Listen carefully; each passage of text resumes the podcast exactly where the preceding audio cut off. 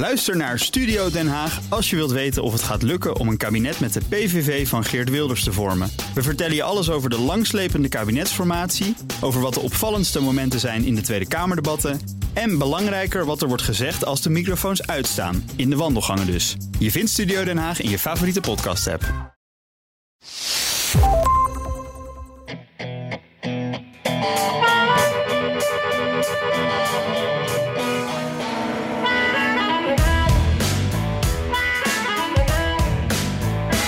Dat een impeachment voor Joe Biden aankomt, wisten we al van voordat hij president werd, want toen dreigden de Republikeinen er al mee. Het leek er een beetje op dat die impeachment al vaststond, maar dat ze er nog een onderwerp of een reden bij zochten. Nou, die menen ze nu gevonden te hebben: de corruptie waarin Hunter Biden en zijn vader Joe Biden betrokken zouden zijn. Het is de enige manier om achter de feiten te komen, zei de voorzitter van het Huis van Afgevaardigden, Kevin McCarthy. We've only followed where the information has taken us. But Hannity, Mr. this is rising to the level of impeachment inquiry, which provides Congress the strongest power to get the rest of the knowledge and information needed. Because this president has also used something we have not seen since Richard Nixon used the weaponization of government to benefit his family and deny Congress the ability to have the Ja, oversight. net als Nixon gebruikt Biden het overheidsapparaat om zijn misdaden te maskeren, beweert McCarthy. Hunter had een schikking getroffen in de rechtszaak tegen hem, maar de rechter ging nog niet akkoord. En dus zien de Republikeinen in het congres zich gesterkt om Hunter en papi Joe aan een eigen onderzoek te onderwerpen. En we hadden vorige week beloofd aandacht te besteden aan Bidens tegenkandidaat in zijn eigen partij, de Democratische Partij dus, Robert Kennedy Jr. Inderdaad, de zoon van. Dat gaan we ook doen. Dit is aflevering 190 van de Amerika-podcast. Mijn naam is Bernard Hammelburg. In de studio natuurlijk met een beker koffie. En onder het wakend oog van Wesley. Jan is nog met vakantie en dus kiezen we alweer voor het nepotistisch alternatief. En dat ben ik, David Hammelburg, in Studio Hammelburg in New York. Eh, ik kies vandaag weer voor de ijskoffie, want we zijn hier onderweg naar 38 graden. De airconditioning heb ik eh, voor deze opname maar even uitgezet. Eh, dus eh, ja, het, het, het wordt een warme, warm uurtje voor mij. Ehm, maar de hitte die uit de zuidelijke en westelijke staten heeft door de westerwind de oostkust bereikt. Hier dus ook 140 miljoen Amerikanen leven trouwens dit weekend onder een hittegolf. Dus heel veel airconditioning en lekker binnen blijven. Ja, ja het is inderdaad. In de wereld heb je meestal westenwind. Dus uiteindelijk komt het weer ook naar jou toe. En misschien, Wesley en ik kijken elkaar al hoopvol aan. Waait het ook de oceaan over? Want dat gebeurt vaak. Hè, dat je één of twee weken daarna ook van dat mooie weer krijgt. ehm, in West-Europa. hey, laten we beginnen in, in deze zware tijden en in de hitte met een leuk verhaal. Ehm, het op drie na beste filmpremière weekend in de geschiedenis met twee kaskrakers, Barbie en Oppenheimer. Die zoveel aandacht in de media kregen dat ze een verzamelwoord kregen: Barbenheimer. Een woord bedacht door hoofdredacteur Matt Niglia van de website Next Best Picture over het prijzenseizoen. hè, Die schrijft stukken over de Oscars en zo.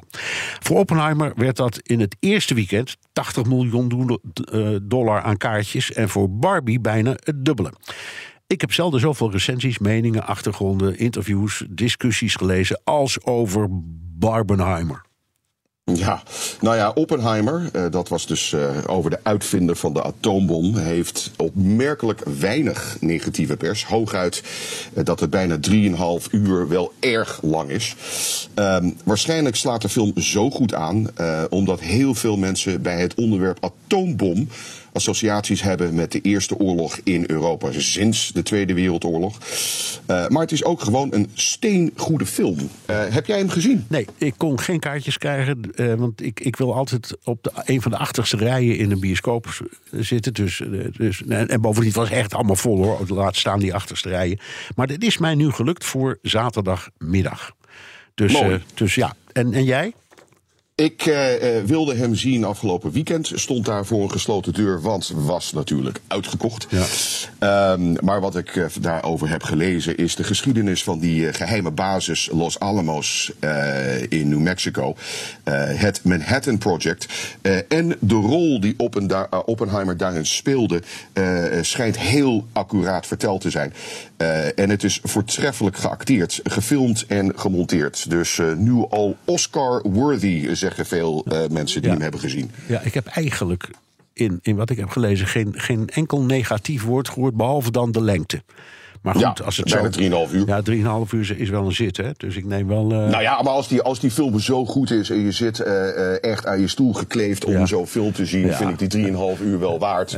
En, en, zo, en zoals dat vaak gaat, je, je hebt niet eens erg in dat het zo lang heeft geduurd, zoals een film zo goed was. Nee, het is net, net als met de opera. Hè? Die duren ook altijd drie of vier of soms wel vijf uur. En dan zitten mensen nog heel gelukkig in Lincoln Center... of in de, eh, de Schouwburg in Amsterdam of in Maastricht... naar te kijken en luisteren. Ja. Nou, ik, ik heb wel een beetje de neiging om dan wat eerder weg te lopen. Want dat is wel heel lang. Vooral als je de ondertitelingen moet volgen om het verhaal te begrijpen. Maar goed, dat is een kwestie van smaak. Ja. Ehm, ik zie een, eh een, er is een luisteraarsvraag over eh, Barbie. Zullen we die even nemen? Eh, ja, maar zullen we eerst even over Barbie zelf Ja, praten? ja, ja, je hebt gelijk. We hadden het even over, over Barbie. Want Barbie kreeg minder ehm goede eh, eh, ehm, eh, kritieken. Een groter succes. Twee keer zoveel kaartjes verkocht.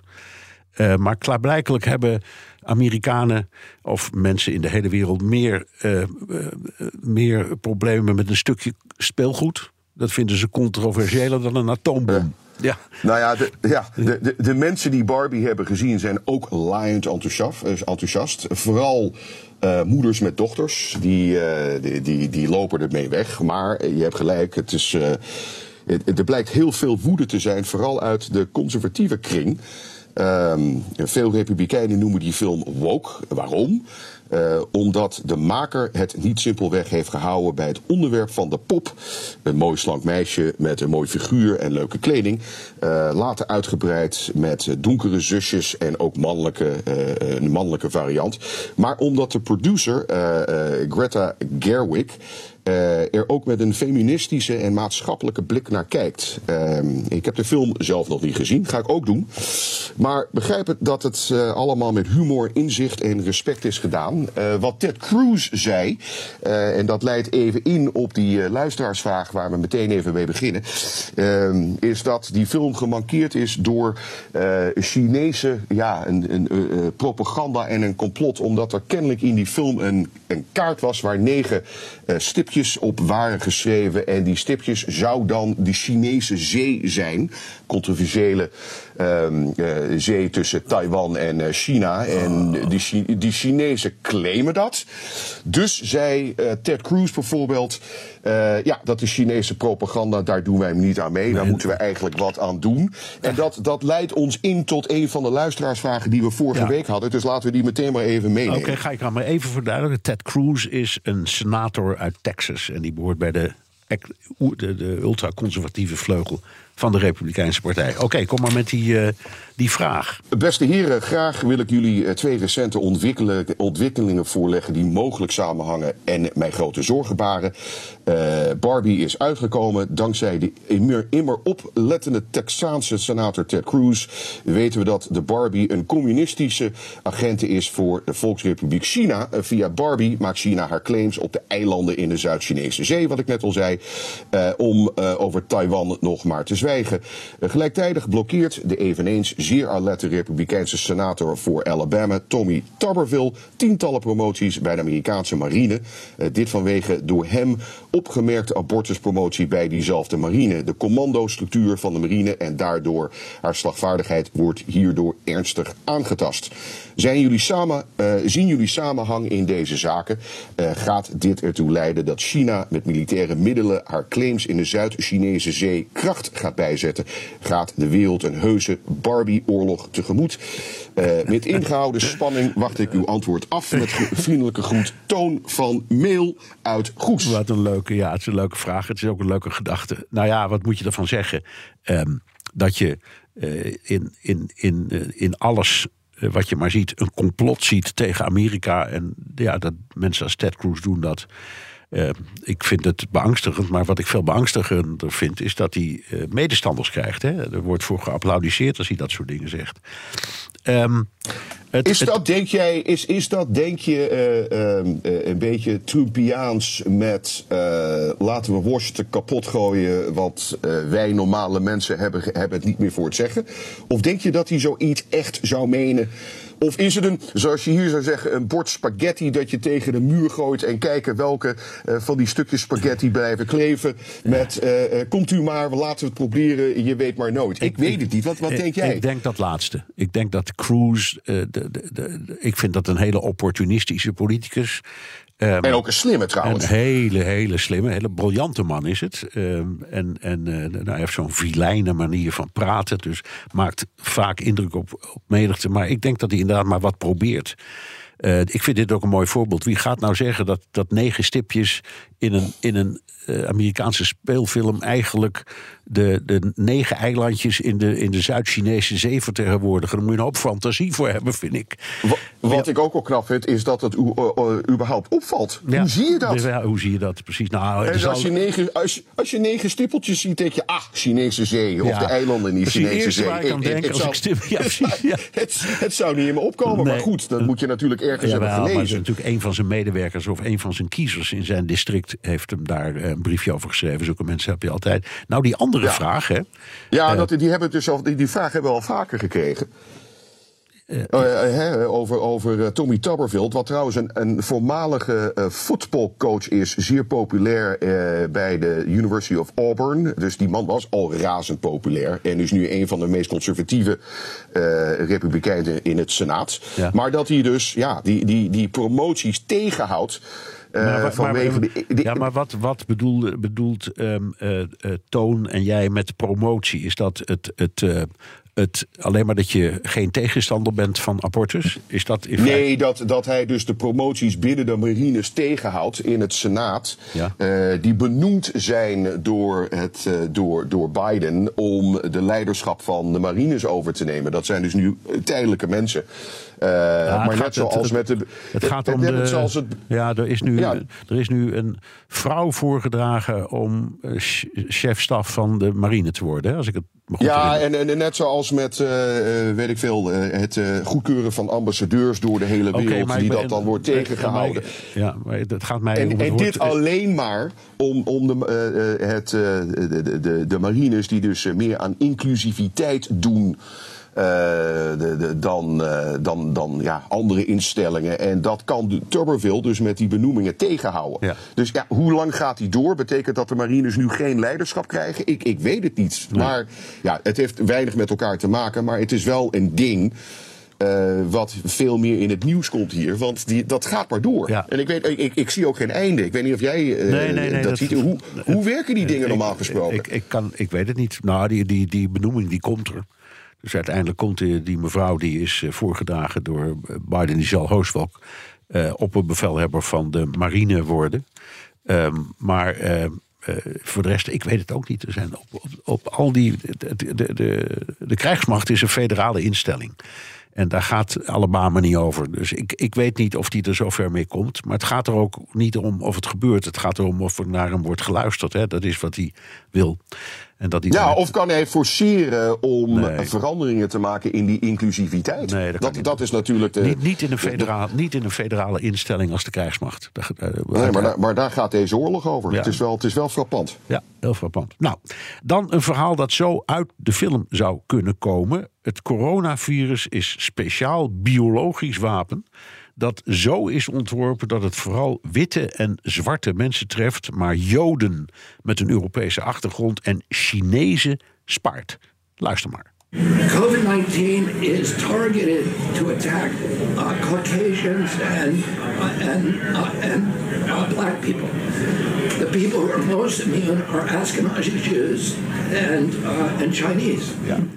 Dat is eh, de, de zoveelste complottheorie. Het is een lawaaiig eh, restaurant eh, waar het is opgenomen. En eh, de spreker is Robert F. Kennedy. Ehm, Junior. Junior. Inderdaad, de zoon van de vermoorde Robert Kennedy. Hij heeft een beetje heese stem, vandaar dat het moeilijk te verstaan is. Uh, en natuurlijk een neef van de eveneens vermoorde JFK. Deze man is 69 jaar oud, tegenkandidaat voor Biden, dus in de Democratische Partij. We mogen wel zeggen dat hij opvalt. Ja, nou en of. Uh, hij heeft in het verleden vaak antisemitische opmerkingen gemaakt. Maar in dit zinnetje uh, beledigt hij eigenlijk iedereen: Joden en Chinezen, maar ook witte en zwarte mensen. Uh, het is een van de vele voorbeelden van de wonderlijke gedachtenwereld van Kennedy. Um, in 2005 schreef hij dat vaccins autisme veroorzaken. hij voerde een felle anti-vaccinatiecampagne tijdens de uh, coronapandemie. Uh, tijdens hoorzittingen in het congres ontkende hij trouwens dat hij tegen vaccins was.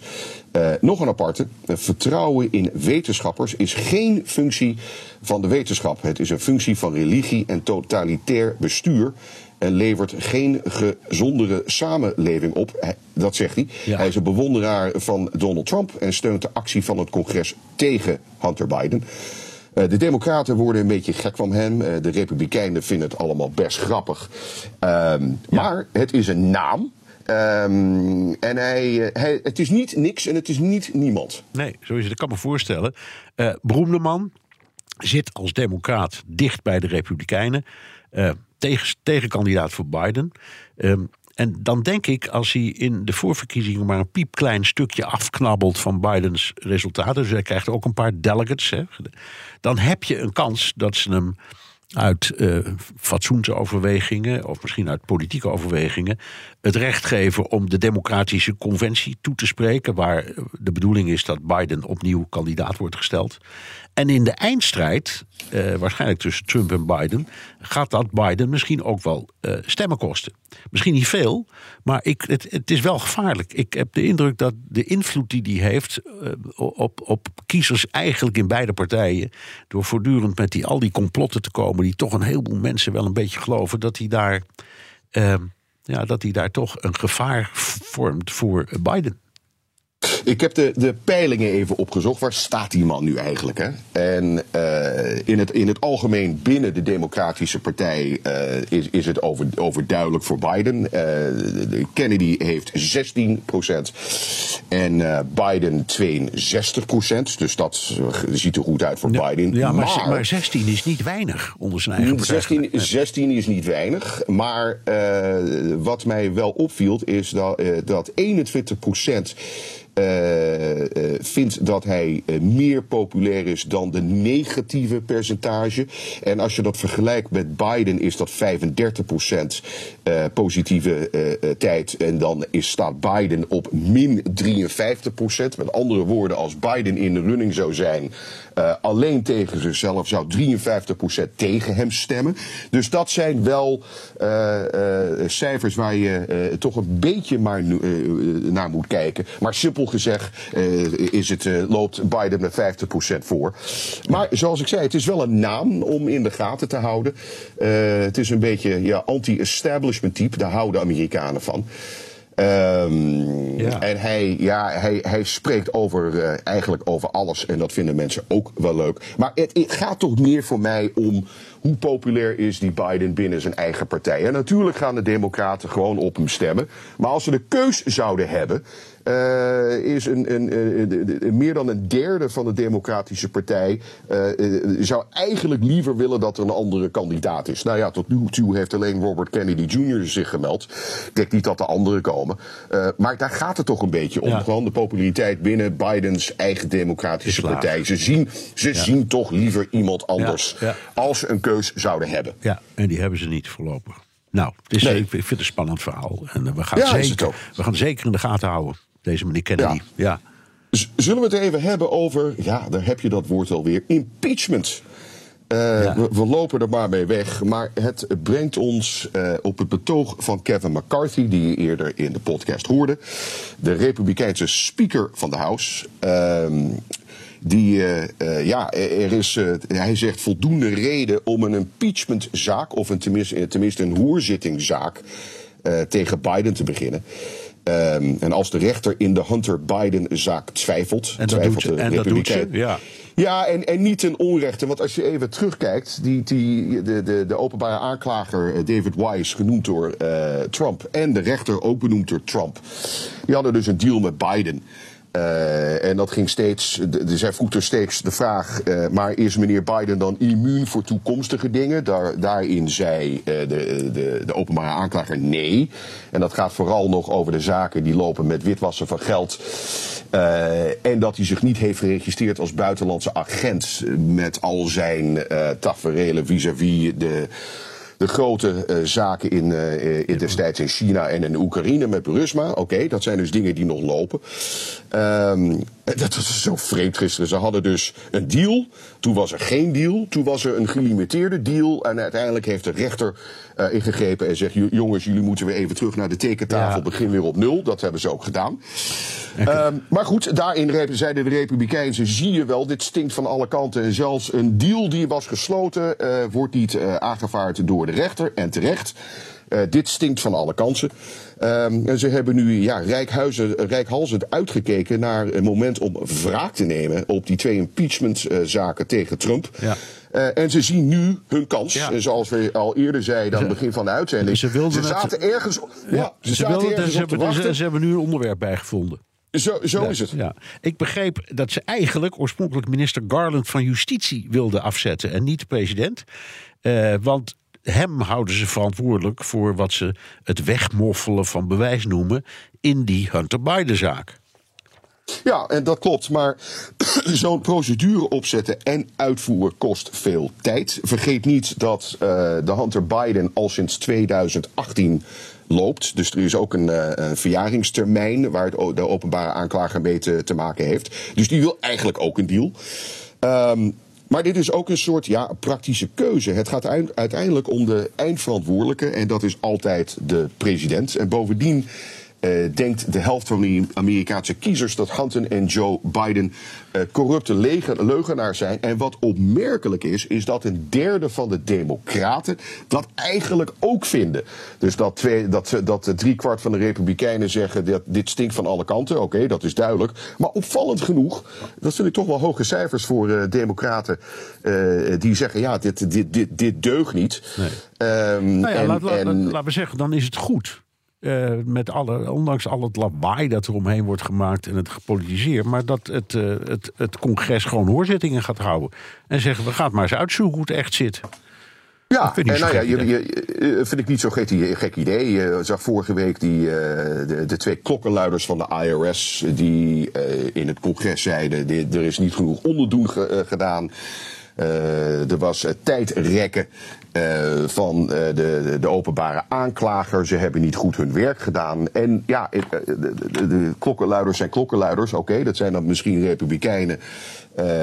maar er zit toch wat achter. En we hebben het al eerder over gehad. Als je Joe Biden bent, wat denk je dan? En ik zou toch zeggen, weet je wat? komt u maar met die hoerzittingen. Ja. Um, ja. Ik ben van geen schuld bewust. En uh, als dit een manier is om aan het uh, Amerikaanse volk duidelijk te maken uh, dat dat allemaal misschien niet zo keurig uitziet, maar dat er geen misdrijven zijn gebleven, komt u maar. Ja. En we weten al dat er hoorzittingen komen, dat gaat gebeuren. Dat er een impeachmentproces gaat, van start gaat, dat gaat ook gebeuren. Ja, wat, wat zou jij doen als je de communicatieadviseur zou ja, zijn van Joe Biden? Ik ben het met je eens, dan zou ik ook zeggen, laat maar komen. Uh, het is toch niet tegen te houden. En dus ze hebben één nadeel, het congres, dat is tijd. Want de tijd dringt. De verkiezingen zijn in, uh, volgend jaar in november. Maar het opzetten en organiseren en het onderzoek doen voor zo'n impeachment is een enorme klus. Dus het is ook een goede manier. Uh, de Republikeinen hebben haast. En daar zou ik gebruik van maken als ik Biden was. Want ik, ik, weet, ik, ik, ik, weet niet of ik daar uh, het helemaal mee eens ben. Volgens mij kunnen ze net zo lang stangen totdat het uh, uh, verkiezingsseizoen echt begint. En dat din, dit dan te, er tegelijkertijd mee laten lopen. Vergeet ja. niet dat de tweede impeachment van Trump. Uh, dat was na de taferelen van 6 januari. En binnen een week was er een, een impeachmentproces. Dus het kan ook heel snel. Ja. Ik weet niet of zij juist haast willen maken. Want als ze het nu doen, ja, dat Dat, dat is iedereen in het voorjaar uh, tijdens de voorverkiezingscampagne eigenlijk alweer vergeten. Ja, ja want dat komt nooit en, door de en Senaat, natuurlijk? Ja. ja, en, natu- en natuurlijk is het Senaat uh, in democratische handen. Dus we weten dat het op niks, uiteindelijk op niks uh, zou eindigen. Um, en het zou het, ja goed, er is dus nooit een president afgezet na een impeachmentproces. Nee. Dus dit leidt tot niks. Maar het is natuurlijk, ja, het blijft spannend. ja. Dit Slaat lijkt me- dit trouwens aan in, ja, sorry, eens, eh, slaat dit aan in Nederland of, of uh, nog niet echt? Uh, jawel, er is uh, zeker aandacht voor. Uh, ik, ik, ik, heb, ik heb jou erover gehoord op, in de uitzending van BNR. Dus dat is al, dan weet het grootste deel van het volk al hoe het zit. Uh, maar nee, maar de, de, de, alle kranten schrijven erover. Collega's van uh, andere publicaties, radio, televisie. Ja hoor, dat heeft, het heeft aandacht. Nou, ik wil niet zeggen dat dat nou een leidend onderwerp is, maar het heeft wel aandacht. Mm. Zoals er ook uh, de, de meeste aandacht gisteren, uh, we nemen dit op op donderdag altijd, maar de, de meeste aandacht gisteren was voor um, de, de leider van de Republikeinen in, het, in de Senaat, McConnell, die tijdens een, een toespraak even niet verder kon en bevroor. En toen, Ja. is, toen is afgevoerd. Dus nou ja, ik weet niet wat hij had. Misschien een. eh, Ja. een, een, een eh, maar denk je ook, ja, man van 81. eh, vroeg of laat vallen door de mand, hè? Bij zoiets. Ja. En over door de mand gesproken, as we speak zijn de twee ehm, eh, advocaten van Donald Trump zitten nu bij Jack Smith, de speciale aanklager. Uh, en ik denk dat Jack Smith hem uitlegt wat de aanklachten zijn en wanneer hij dat gaat indienen. Dus as we say, stay tuned. Ja. Wordt spannend allemaal. Lijkt me een uitstekend moment om de Amerika-podcast even te onderbreken voor een mededeling. Ook Thomas van Zeil vind je in de BNR-app. Je kunt live naar mij luisteren in Zaken doen, de BNR-app met breaking news, het laatste zakelijke nieuws en je vindt er alle BNR-podcasts, bijvoorbeeld Het Nieuwe Geld. Download nu de gratis BNR-app en blijf scherp. Gaan we naar luisteraars vragen. Die zijn welkom via de mail of via de Amerika-podcast WhatsApp. Daar kun je je vraag of opmerking ook inspreken. Het nummer is 0628135020. Ik zeg er al even bij, we hebben er een hoop. Dus ik, eh, ik weet niet of we het allemaal halen, maar we gaan ons best doen. Ehm, Alex Wernia, ehm, die, eh, eh, die heeft een wetsontwerp aangekondigd. En daar wordt nu ook over gepraat, over het onderzoek naar UAP. Dat is wat ze vroeger vliegende schotels noemden, hè? of UFO's. Um, en hij, zegt, uh, ik, kan me voorstellen dat jullie dit onderwerp misschien niet willen uh, bespreken. Want het is allemaal, nou ja, uh, ja, heel veel mensen die eraan twijfelen. Maar als ik het goed begrijp, zijn er toch heel veel getuigen in hoorzittingen die het allemaal wel serieus nemen. Die zeggen, ja, dat moet echt onderzoek, moeten we echt beter onderzoeken. Nou, jij, Ja. ziet, jij ziet die hoorzitting ongetwijfeld. Maar ik vind, Eh, Gisteren, Ja. gisteren was er was zo'n hoorzitting. Eh, de- de- de- ook leidend trouwens naar de volgende vraag. Maar eh, ze nemen dit nu bloedserieus. Eh kennelijk zijn er 650 gevallen geweest van zo'n eh, UAP of UFO, zoals ik dat nog noem.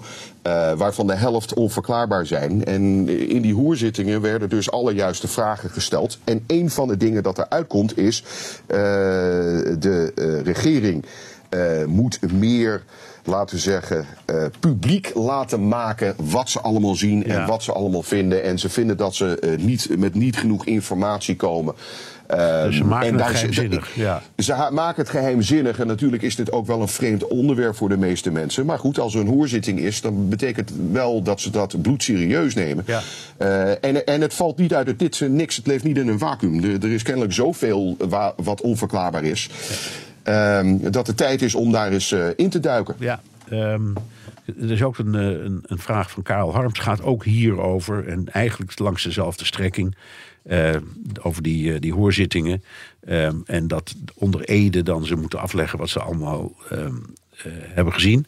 Ehm, en hij zegt, maakt één leuke opmerking. Hij zegt, let op, dit is een onderwerp waarover democraten en de republikeinen het eens zijn. Ja. Dat is op zichzelf al een podcast waardig gegeven, schrijft hij. Ze zijn het niet over veel eens, maar misschien eh, eh, hierover wel. Eh, en nogmaals, he- het gaat over eh, het, eh, het, het omdaan van de, het geheimzinnige gedrag van de regering wat ze wel weten en wat ze niet weten. En eh, dat heeft natuurlijk ook te maken met, ja, wat moet je als regering? Mensen bang gaan maken met het publiceren en de informatie uitgeven over dingen die niet verklaarbaar zijn. Eh, ook niet zo makkelijk. Nee. Ehm, maar goed, eh, ze zijn ermee bezig. Het zijn twee eh steengoede vragen en het is eh, eh, actueel en acuut. ja. En eh, de- de- het, het is dus en wordt dus een ding. Nou, en la- laten we eerlijk wezen, we willen nou gewoon wel eens kennis maken met die marsmannetjes, toch? Dat Ja, de- uiteraard. Ja. En, en ik wil wel weten wat er allemaal in Los Alamos heeft afgespeeld. Ik ben, eh, ik ben toch wel heel nieuwsgierig. Ja, ja, ja. ja. Oké, eh, René, ehm, die, die stuurt een. ehm, die luistert sinds aflevering 1. Dat is dus echt een veteraan. Want we zijn nu aan 190. Knap hoor. En dankjewel. Maar die vindt dat we vaak een beetje. dat eh, de, de podcast iets weggeeft van shownieuws. Ehm, en daar wil ik wat over zeggen, omdat we zo vaak, ehm, Jan en ik, en af en toe met jou ook praten over. waar leg je nou de grens? We zijn nu net begonnen met een heel verhaal over eh, speelfilms, omdat dat gewoon. Ja, Barbieheimer. Ja, omdat het gewoon groot nieuws is.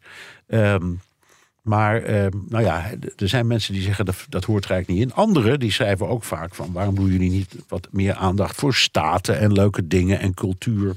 Dus het is een beetje schipperen. Eh betrekken het ons allemaal aan, maar we denken toch dat we de goede weg gaan. Hij stelt ook een eh, vraag over het strafrecht in Amerika. Ehm, eh, want hoe zit het, zegt hij nou, als je een van de most wanted fugitives bent? Dus daar hangen overal van die posters eh, en, online wordt dat eh, gedaan. En kom je dan voor een federale rechtbank of niet? Ehm, en hoe zit het dan met de doodstraf? Want de ene staat heeft dat wel en de andere eh, staat niet. We gaan, komen direct op terug. En hij heeft nog een ander dingetje, dat gaat over mij. Ik had ehm, gezegd dat Nederland eh, een, een gevangenis of een levenslang kent dat echt levenslang is. En daar is veel over gedebatteerd. En hij zegt dat is in Nederland niet meer langer het gevaar. Eh, want er is mogelijkheid van gratie. Ehm, en dat, is, eh, dat klopt, maar dat was er altijd. Maar als dat niet gebeurt, dus als de minister of eh, geen voorstel doet tot gratie, of de koning, want die hoort dat dan te doen, hè, geen gratie tekent, dan is in Nederland levenslang, levenslang. Dus ik, ik heb het even nagezocht, René. En zo zit het echt. Dus eh, sorry. Nou, even, even terug over die, die, die, eh, die, op, die, dat op, zo'n opsporingsverzoek, hè, opsporingsbevel voor iemand. Hoe, hoe werkt het? Is het federaal Ja, of staat? Eh, Je moet denken dat als je op America's Most Wanted list staat. Eh, dat is, eh, eh, laten we zeggen, de, de, de, de, degene die de FBI het meeste zoeken. En daarvan zijn, ik kan niet beweren dat het er alle zijn, maar de meeste daarvan federale wetten hebben overgetreden. En dat kan dus een misdrijf, laten we zeggen, of een, een moord zijn geweest in de ene staat. En die is dan voortvluchtig naar een andere staat gegaan. En zoeken dus naar eh, iemand die misschien meerdere misdrijven heeft gepleegd in meerdere staten. Ehm, dus dat wordt dan een federale kwestie. Maar het is een goede vraag. Want als je nou in een staat wordt gevangen. Laten we zeggen dat je eh, moord hebt gepleegd, eh, gepleegd in Kentucky. En je wordt in eh, Buffalo, New York eh, opgespoord. Eh, New York heeft geen doodstraf, Kentucky wel. En dan kan je zeggen dat eh, als, nu, als je eh, regering van New York, ja, eh, we kunnen wel uitleveren, maar wij hanteren de doodstraf niet, Kentucky wel. Dan wordt er een deal gemaakt. Ja, er wordt er onderhandeld, dat klopt. Dan wordt er onderhandeld Ja. met, oké, dan wel geen doodstraf, maar levenslang zonder enige kans op, Op vrijlating, op, op, op, op vrijlating of gratie. Eh, zo wordt er onderhandeld. En in, in de meeste gevallen wordt iemand zo gewoon uitgeleverd. Net zo eh, als er deals zijn tussen, laten we zeggen, de, de, de meeste eh, landen uit Europa en, en de Verenigde Staten. Er wordt altijd een dealtje gesloten. Maar, gesloten, maar kom, je kan er gif op innemen.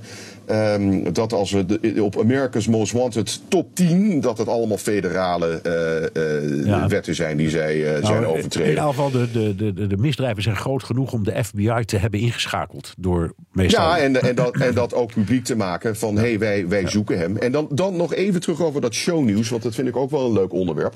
Eh, jij hebt vanaf begin af aan gezet, een podcast is eigenlijk iets eh, waar alles eh, eh, kan. Dus je kan, je kan het, jullie, Jan en jij hadden het een paar weken geleden eh, eh, uitvoerig over Miami. Ik vond het enig, eh, ik ken die stad heel goed.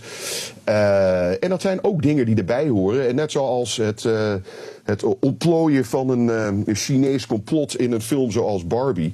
Ja. Uh, ja, volgens mij hoort het er allemaal in. Maar goed, jullie hebben dat opgezet. Wat denk je zelf? Ja, nee, ik ook. Ik vind, ik zeg het, we zoeken, we zoeken echt bewust naar dingen die wat. Uh, uh, wat meer echt Americana noemen we dat. Het gaat over iets wat speelt in een staat. Over hoe, hoe ziet het centrum van New Orleans er nou uit s'nachts. En, en allemaal van dat soort dingen. Dat zijn leuke verhalen.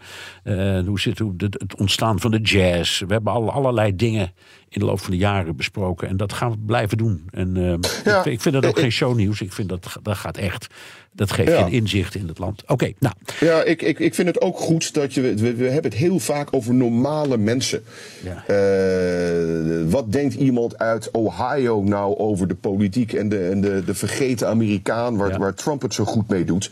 Um, dat heeft minder met de politiek te maken dan ja, het proberen uit te leggen. Wat is nou een Amerikaan en, en uh, hoe, hoe werken die 50 staten bij elkaar? Ik vind, ik vind het ook geen shownieuws, maar ja, alles moet erin kunnen, ja. vind ik. We gaan even naar een audiovraag van Davon Zwierenberg. Zoals jullie ongetwijfeld weten, is het kabinet op dit moment in Nederland demissionair.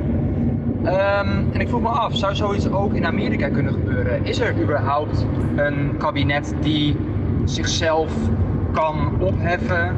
Um, kan de president demissionair zijn? Kan het kabinet demissionair zijn? Um, hoe werkt dat in Amerika? Is het wel eens eerder gebeurd? Uh, zijn er dan ook gelijk nieuwe verkiezingen?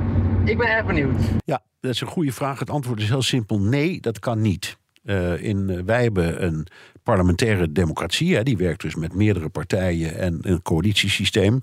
En die coalities kunnen uit elkaar vallen. En dan is het in het belang van de democratie om verkiezingen te houden en een nieuwe coalitie te smeden. Dat gebeurt in heel veel landen. Maar Amerika heeft een zogenaamd presidentieel systeem. Frankrijk ook. Uh, om een ander land te noemen.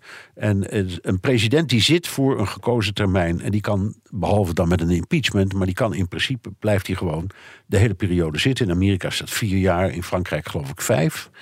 En dan kan hij worden herkozen, dat kan ook. Um, in Amerika is het dan acht jaar en dan heb je het gehad. Een kabinet kan niet vallen bovendien.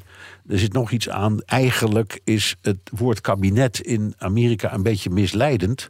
Omdat de grondwet zo in elkaar zit dat de president alle macht heeft. Die is in zijn eentje de uitvoerende macht. En de ministers zijn geen ministers, maar adviseurs. Daarom heten ze ook secretaries. Maar die hebben geen eigen ministeriële verantwoordelijkheid. Dus die hoeven, nee. ze hoeven zich niet te verantwoorden voor het parlement. Dat, dat, dat, is, dat moet de, de president, maar niet de ministers. Dus het, de, de, in, in die zin is er ook geen kabinet zoals wij dat kennen. Nee, maar er is wel een rangorde. Dus als de president uh, uh, wordt afgezet, dan is er gewoon een rangorde. Dan komt de vicepresident uh, en daarna de Speaker of the House. En zo is er een heel lijstje. Ja. daar is destijds, dat kan jij je natuurlijk heel goed herinneren, Al Haig. Oh, ja. Dat was des, destijds de minister van Buitenlandse Zaken onder Ronald Reagan. vreselijk mee afgegaan. Dat heeft er ook, hem ook de carrière, zijn carrière gekost. Want toen Reagan werd beschoten, was de, de, de de, de, in de pickorde daarna de vicepresident. Maar omdat hij niet in het Witte Huis was, nee, zei die, die, L. Die, toen... Die zat, die zat in een uh, vliegtuig. Dus die was ook... Die zat in een vliegtuig. Uh, dus zei L. Haig uh, de, de beruchte en beroemde woorden... I'm in charge. Ja. Dat was natuurlijk niet zo. Dat heeft hem ook de kop gekost. Ja. En dan heb je hier nog iets. Dat is de 25e abonnement van de, van de grondwet. Um, dat kan worden ingediend als een president, laten we zeggen, niet stabiel meer is. Dan kan de vicepresident een actie roepen op de 25e amendement van de grondwet. En alle leden van het kabinet moeten daarin meestellen. Ik geloof dat het de helft, helft is plus één. En dan kan een president dus worden uh, uh, ja, uh, op, opzij worden gezet. Nog nooit, dat, nog nooit toegepast. Nee, maar dat is wel geprobeerd tijdens 6 januari. Toen ja. een aantal mensen aan Pence hebben gevraagd om de uh, 25e abonnement te, uh, te introduceren. Ja. Heeft hij niet gedaan. Kon wel. Ja, het kon wel, maar hij deed het niet. Omdat hij vond dat politiek uh, alleen maar olie op de golven. En bovendien, Trump was al verslagen. Het was in de, in de, in de, in de periode dat, uh, in de overgangsperiode naar de nieuwe regering. Dus ja. het had ook niet zo verschrikkelijk veel zin om het 25e amendement in te roepen tegen een man die al geen president meer was. Dus dat is ook staatkundig heel moeilijk. Nou, um, Nee, maar dan kan je ook zeggen, waarom is er dan een tweede impeachmentproces begonnen nadat hij al geen president weer was? Ja, Ja. Ook dat is politiek Dat natuurlijk. waar. Oké, William van der Ark uit Langdon in, eh, in Canada. Ehm, die zegt, eh, die vraagt, stel dat eh, Donald Trump schuld, schuld is en, en eh, in de gevangenis gaat. In de podcast hebben jullie vaak gesproken dat als je in de Verenigde Staten zelf vanuit, de- dat je zelfs vanuit de gevangenis president kunt zijn. Maar hoe zit het dan met het ondertekenen van beslissingen en, en, het, het, en bij belangrijke ontvangsten? Of moet een staatshoofd even bellen of mailen wanneer, de bezoekers, wanneer de bezoekersuren zijn? ja, dat is heel geestig. Het antwoord is, die, niemand weet het. Nee, Nee. nee. het, is, het is natuurlijk nog nooit eerder voorgekomen. En ik kan me voorstellen dat je, weet ik veel, een soort ovale kamer eh, hebt binnen de bias. Ja, hoe ziet het er dan uit? Heb je vrijheid van telefoneren, communicatie met de buitenwereld? Komen mensen dan op bezoek? Ja, ik, ik, ik, het- je hebt heel veel fantasie nodig om te begrijpen hoe zoiets eruit zou zien. Ja, en het is zo ver van onze bedshow, we weten het gewoon niet. Maar. Ja, je, je weet ook maar nooit. Kan zomaar gebeuren, maar ik kijk het niet. Nee. Eh, we gaan even naar Jolanda Polderman. Eh, die zegt, eh, grote fan van de podcast. eh, trouwe lezer van The Hunt in de New York Times, waarin gezocht wordt naar een huis of appartement of etage met heel uiteenlopende beoogde kopers en huurders. Je krijgt drie opties. Je mag zelf eentje kiezen en dan mag je raden welk appartement door de hoofdpersoon gekozen is. Stiekem stel ik me dan voor eh, hoe het zou zijn om daar te wonen. En, maar ze zegt, wat ik me nou afvraag is, hoe betalen de mensen hun woningen? Eh, daar begrijp ik helemaal niks van. Een simpele eh, appartement met twee slaapkamers kost 600 tot 650.000 dollar. Volgens mij ziet ze het nog aan de lage kant. Maar goed. Eh, en dan moet je daar boven, bovendien daarbovenop nog servicekosten betalen. En die zijn ook zoiets van 7 of 800 dollar. Ehm, dus ze zegt, eh, ja, wij wonen in New York en Jan in, in Washington. Eh, hoe, hoe betalen de mensen eh, dit allemaal? Verdienen ze zo verschrikkelijk veel meer dan in Nederland? Hebben jullie ook van die enorme kosten? Hoe werkt het om een huis te kopen? Ik lees altijd over een down payment en een hypotheek en dan nog die, die, die, die, die, die, eh, onroerend goedbelasting die daar elk jaar weer overheen komt. Goeie vragen van Jolanda. Dus ja. Het zijn hele goede vragen en het is eh, niet zo simpel. Ehm, het gemiddelde inkomen voor een Amerikaan eh, is niet zoveel hoger dan dat van een Nederlander. Ik geloof dat het maar iets van 7.000 of 8.000 euro verschilt. Eh, daarvoor moet een Amerikaan gemiddeld 1481 uur meer werken dan de gemiddelde Nederlander. Maar als je in een regio zit, eh, laten we zeggen een stad New York of een stad Los Angeles of Boston, waar alles zo ridicuul eh, duur is, dan heb je hier natuurlijk mensen met eh, een hogere inkomen. Ehm, en zelfs met een hogere inkomen is het amper te betalen. De meeste mensen leven ehm, van het betalen van waar ze wonen. Eh, en hebben dan niet zoveel meer over. Zo'n down payment waar je het over had, dat is minimaal 20%. Zo'n mortgage, ehm, dat is eigenlijk minder dan, eh, dan een huur. Maar daar komen al die kosten bij. Ik weet niet hoe mensen het doen. Nee. nou ja, Ehm, ik heb, een, ik heb een statistiekje gezien dat het gemiddelde inkomen bijvoorbeeld in Manhattan. Ja. ehm, dat ligt eh, boven de 100.000 dollar per persoon. Ja. En het zijn vaak, Ja. het zijn vaak twee verdieners. Hè? Dus je hebt, vaak, je hebt vaak partners, dus die halen samen meer dan twee ton binnen. Wij- jij- maar ook daarbij is, het, is het niet zo makkelijk. nee, precies. Wij, wij doen trouwens iets fout, denk ik altijd, als ik dat soort dingen lees en hoor. Ja, zulke, zeker. zulke gigantische salarissen. Maar goed, daar zijn ze dus. Maar de meest- Ja. Ja, maar de meeste mensen die, die hier dus wonen, die dat zich niet kunnen veroorloven, die eh, verdwijnen naar eh, de buitenwijken of wonen ergens in Queens. Ja. Met een commute van een, van een uur. eh, om ergens een plekje te vinden om dat, eh, om dat te kunnen betalen. Ehm, het is een, een, een, ja, het is een Darwinistisch systeem, eh, eh, vind ik. En die prijzen die worden alleen maar duurder en hoger. En je schrikt er af of Ja, toe van. dus en je, je- we vragen onszelf af, hoe, hoe is dit in godsnaam mogelijk? Het zijn uitstekende vragen, eh, moeilijk te beantwoorden. Maar ehm, ja, de mensen die het hebben, eh, die doen het gewoon. Ja, nou, dankjewel Jolanda. Goed onderwerp. En Als er nou één ding is dat eh, de mensen bezighoudt, dan is het dit. Dus je zit ook helemaal. Ik bedoel, de Amerikanen. Die, die pijn, zitten er, de meeste mensen betalen ook, ik geloof, iets van twee derde of drie kwart van hun inkomen aan wonen. Hè? Die hebben dus maar Ja. heel wei- weinig over voor de rest.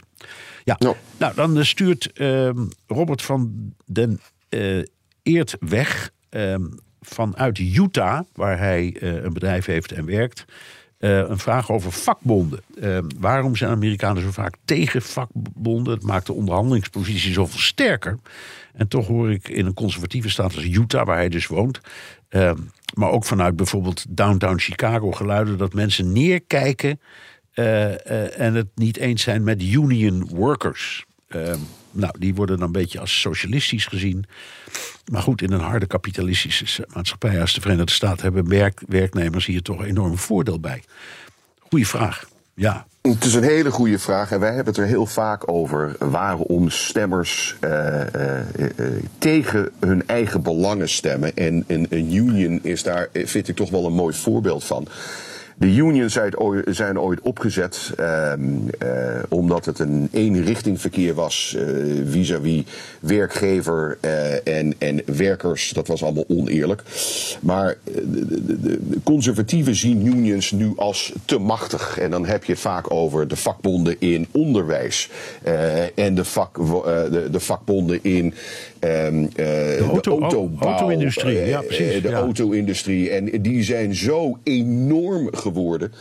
Ehm, dat de, de, de werkgevers eigenlijk machteloos zijn. ehm, eh, tegen die unions. Gewoon, het, Het, is, een- het is een machtspositie en een machts.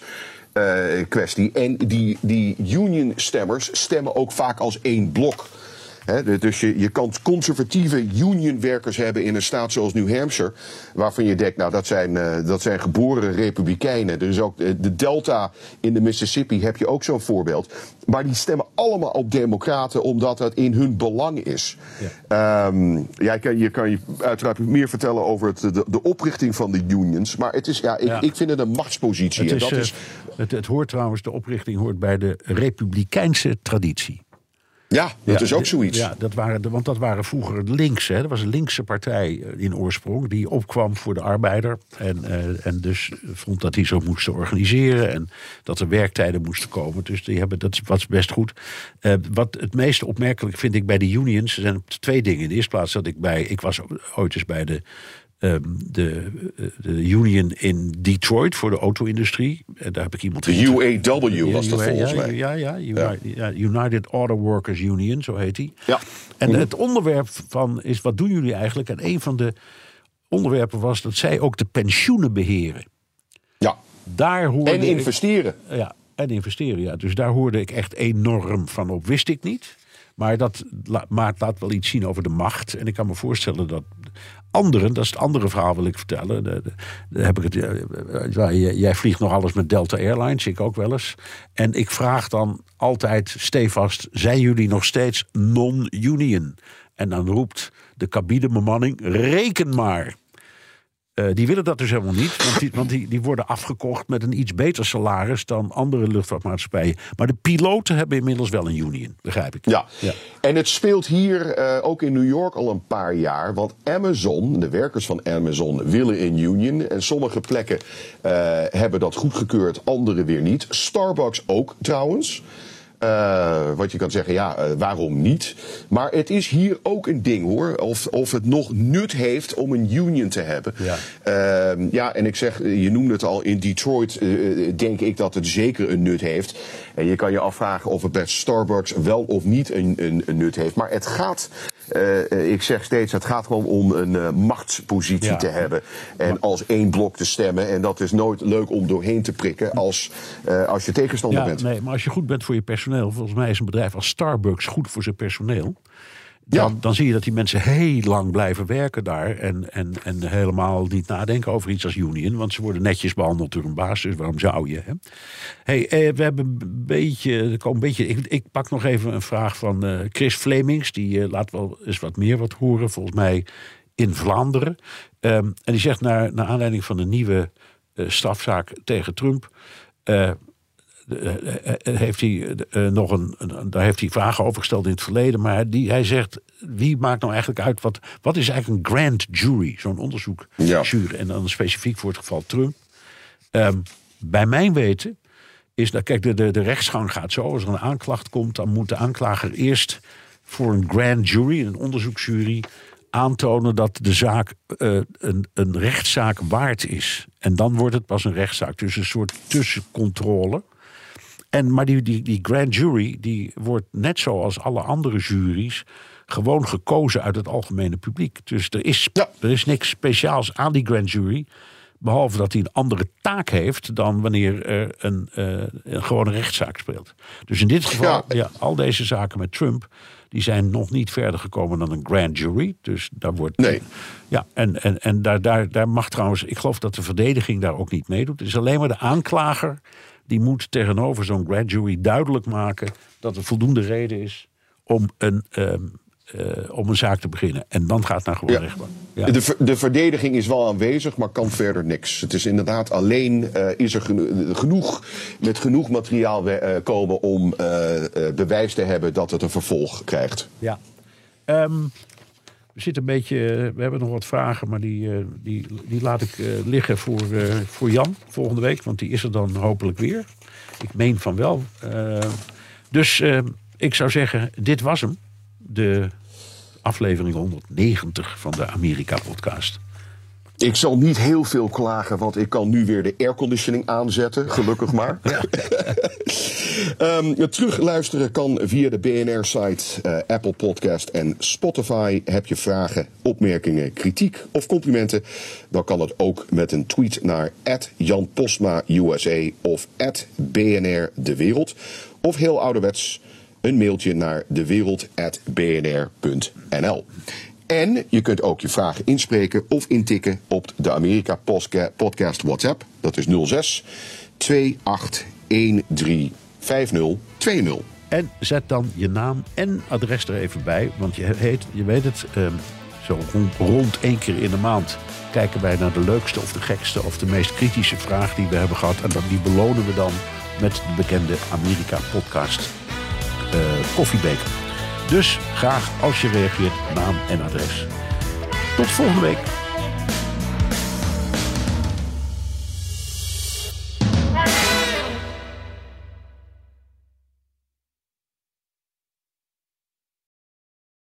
Ook Bas van Werven vind je in de BNR-app. Ja, je kunt live naar mij en Iwan luisteren tijdens de ochtendspits. Je krijgt een melding van Breaking News. En niet alleen onze podcast Ochtendnieuws, maar alle BNR-podcasts vind je in de app. Download nu de gratis BNR-app en blijf scherp.